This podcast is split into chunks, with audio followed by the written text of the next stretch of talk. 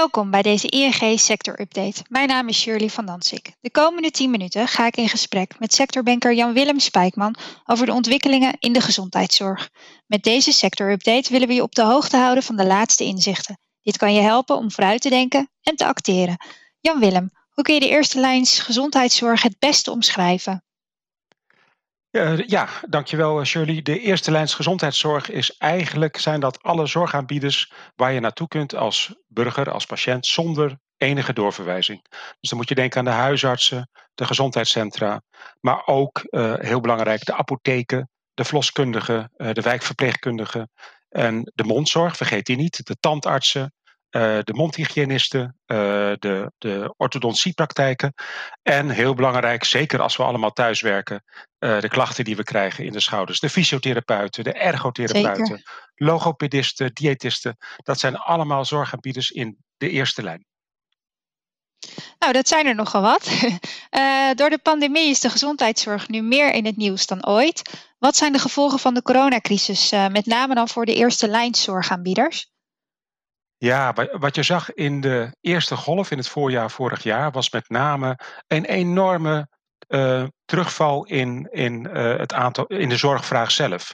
Dus huisartsen zaten met lege praktijken, fysiotherapeuten en tandartsen moesten zelfs sluiten. Die moesten hun klinieken en hun praktijken dus gewoon sluiten. Uh, de huisartsen gingen heel veel doen met beeldbellen, met telefoneren. Ehm, en het heeft toen tot, nou ja, tot mei geduurd voordat ze weer open konden, met name de fysiotherapeuten en de tandartsen. En nu zie je in de tweede golf dat de vraaguitval lager is, zo'n 10, 15 procent minder dan normaal. Uh, en wat je ziet is dat fysiotherapeuten gewoon open zijn, de tandartsen ook. Uh, en de huisartsen uh, eigenlijk ook best wel wat meer doen via de telefoon. wat minder consulten hebben ehm, bij hun op de praktijk. Ook net iets minder visites draaien. en het iets rustiger hebben lijkt het wel. maar toch is het voor hun best zwaar. Omdat ook veel ehm, medewerkers van hun ook wellicht thuis zitten met corona. Of in quarantaine moeten zitten. Dus ook daar personeelstekort in de eerste lijn. Ja, het is best wel uh, zwaar allemaal inderdaad, uh, de effecten van het coronavirus. Als we straks allemaal zijn ingeënt uh, tegen het coronavirus en de pandemie is voorbij, welke veranderingen die nu plaatsvinden zullen dan blijven? Dus wat wordt het nieuwe normaal? Ja, ik, de verwachting is dat, er, dat wij ons minder gaan verplaatsen om die zorg ook daadwerkelijk te ontvangen, maar dat we meer uh, digitaal gaan doen. Dus uh, via beeldbellen, uh, maar ook via allerlei applicaties zoals WhatsApp. Er zijn al huisartsen die s gewoon beginnen met, met een uurtje, anderhalf alle WhatsAppjes beantwoorden. En daarmee zijn ze eigenlijk al 80% van de zorgvragen die op hun afkomen, hebben ze al behandeld. En dat leidt tot minder consulten, dat leidt tot minder druk voor de huisarts de rest van de dag. Dus uh, de verwachting is dat deels ook die digitale zorg die nu is ontstaan uh, door de coronacrisis, dat die zal blijven. Ja, ja dankjewel. Uh, en als we dan kijken naar trends en ontwikkelingen, daar ben ik ook wel benieuwd naar. Wat zijn dan de trending topics binnen de sector? En kan je daar wellicht ook een voorbeeld van geven? Ja, zeker. Ja, uh, het belangrijkste op dit moment, uh, de twee belangrijkste trends die er nu spelen, is één, innovatie en digitalisering. En de andere trend is duurzaamheid. Daar komen we wellicht straks nog, ook nog even op. Maar als ik kijk naar innovatie, ja. um, dan had ik het net al over dat beeldbellen, dat die digitale zorg. Dat doen huisartsen al. Maar het gaat nog belangrijker worden in relatie tot de tweede lijns zorgaanbieders. En de tweede lijn, denk aan de ziekenhuizen, dat is de zorg die je in een ziekenhuis krijgt. Um, maar dan moet je verwezen worden door die huisarts. Nou, de samenwerking tussen die ziekenhuizen en die huisartsen wordt ongelooflijk belangrijk, is al belangrijk nu. Uh, maar ze kunnen uh, het beste patiënten naar elkaar verwijzen. Uh, als er een goed digitaal platform is waar ze patiëntendata op kunnen delen. En waar ze ook op een makkelijke manier uh, gegevens van die patiënt kunnen delen, maar ook daarover kunnen sparren. Dus in de toekomst zie ik het nog wel gebeuren dat je bij de huisarts zit met bijvoorbeeld hartklachten. En wat er dan gebeurt is dat een cardioloog uit het ziekenhuis via een beeldbelverbinding met de huisarts meekijkt en zegt van oh ja, nou stuur hem toch maar even voor diagnose naar het ziekenhuis voor een ECG. Eh, of als de huisarts zelf een ECG-apparaat heeft, dan doet hij het zelf. En dan kan uh, op een digitale manier toch die ziekenhuiszorg worden geleverd zonder dat die uh, patiënt naar het ziekenhuis hoeft te gaan. Dus in die digitalisering um, is nog een hele wereld te winnen. Want elke zorgaanbieder heeft wel zijn eigen systeem. De huisartsen hebben het landelijk schakelpunt. Uh, er is zorgdomein. Uh, het ziekenhuis heeft een systeem. Maar die systemen die praten nog niet met elkaar. Dus er is enorme behoefte aan een platform waar we die patiëntendata en al die gegevens kunnen delen. Duurzaamheid, uh, je noemde het al even. Uh, hoe kunnen ook eerste lijn zorgaanbieders uh, met duurzaam ondernemen aan de slag? Heb jij wellicht tips voor hen? ja, zeker. kijk, duurzaamheid in de zorg, dat gaat over een aantal aspecten. Ehm, alle zorgaanbieders in Nederland, heel veel althans, hebben de Green Deal in de zorg getekend. Nou, belangrijke aspecten van, van duurzaamheid zijn energiebesparing. Daar kun je natuurlijk direct mee aan de slag. Dat is eigenlijk het laaghangend fruit. Maar ook duurzame energie, uh, daar kun je op overschakelen. Uh, circulariteit inbouwen, uh, dat is nog het lastigste. Um, en, en ook eentje is bijvoorbeeld medicijnafval voorkomen. Hè?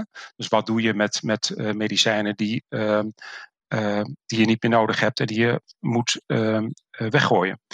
Ja. Nou, wat belangrijk is, is als je gaat bouwen, stel je voor de eerste lijns zorg centrum, uh, dan is het wel belangrijk dat dat duurzaam gebeurt. Um, en daar is nog weinig ervaring in de sector zelf.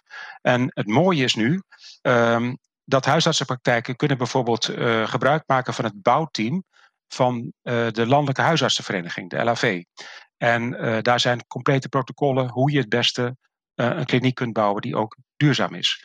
Dus er is nog, ook daar, wat duurzaamheid betreft, is er nog heel veel te winnen in de eerste lijn zorg. Ja, zeker. Um, en ik ben eigenlijk ook wel benieuwd naar uh, jouw visie op uh, de gezondheidszorg in 2021. Wat zijn jouw verwachtingen?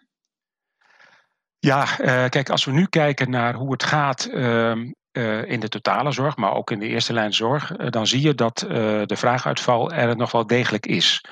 dus niet iedereen met een klacht gaat ook daadwerkelijk naar de dokter of gaat mee naar het ziekenhuis toe.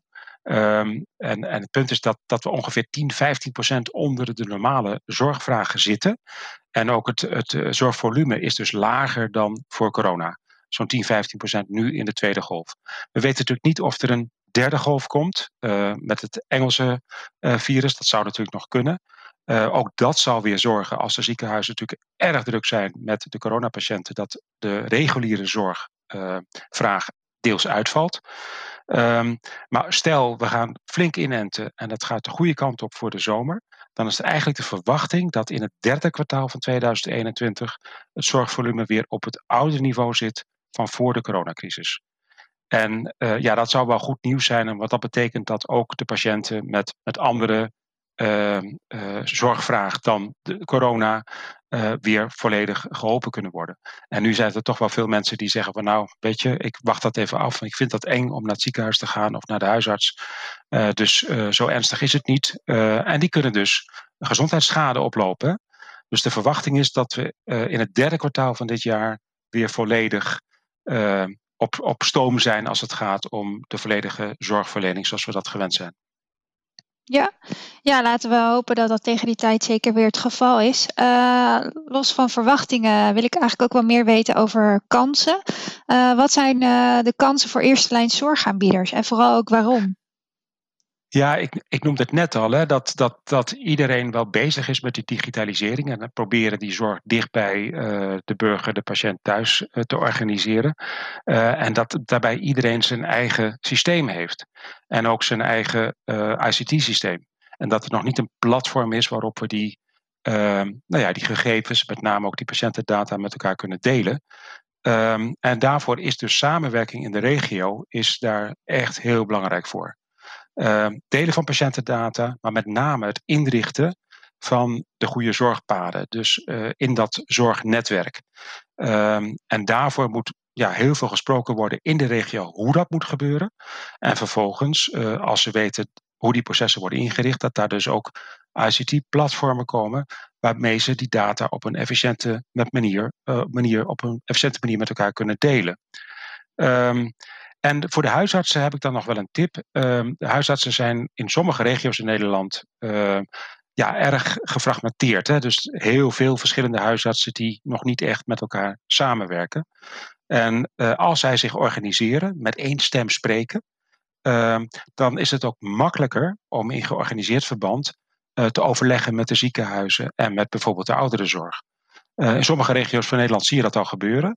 Ehm, waar ze dus ook verder zijn met de implementatie van gezamenlijke systemen om die digitale zorg thuis mogelijk te maken.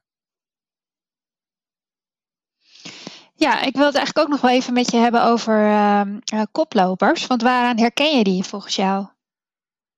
Ja, eh, kijk, de, koplopers, dat, uh, wat belangrijk is, is natuurlijk een sterk management.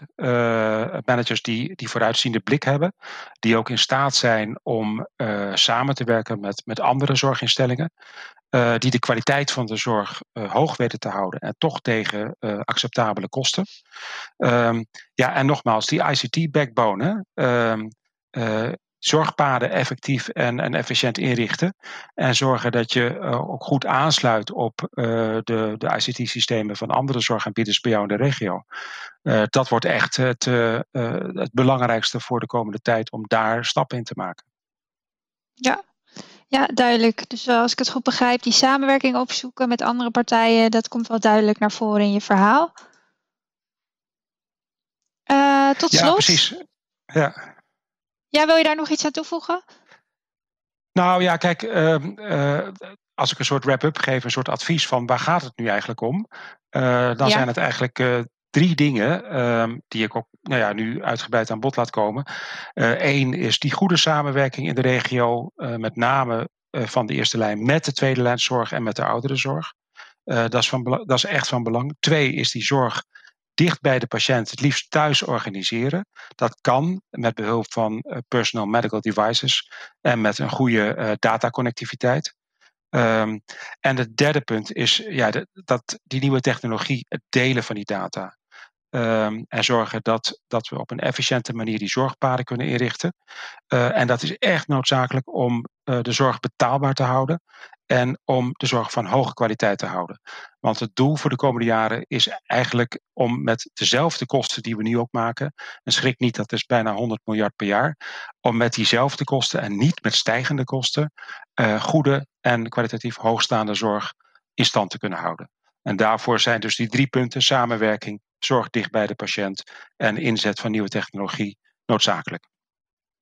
Ja, nou, duidelijk advies wat mij betreft. Uh, we zijn alweer aan het einde gekomen. Dankjewel Jan-Willem voor dit gesprek. Geen dank. Fijn dat je, fijn dat je hebt geluisterd. Uh, wil je meer informatie hebben over je sector? Dat kan. Bezoek dan ing.nl schuine sector of ga met ons in gesprek. Graag tot een volgende keer.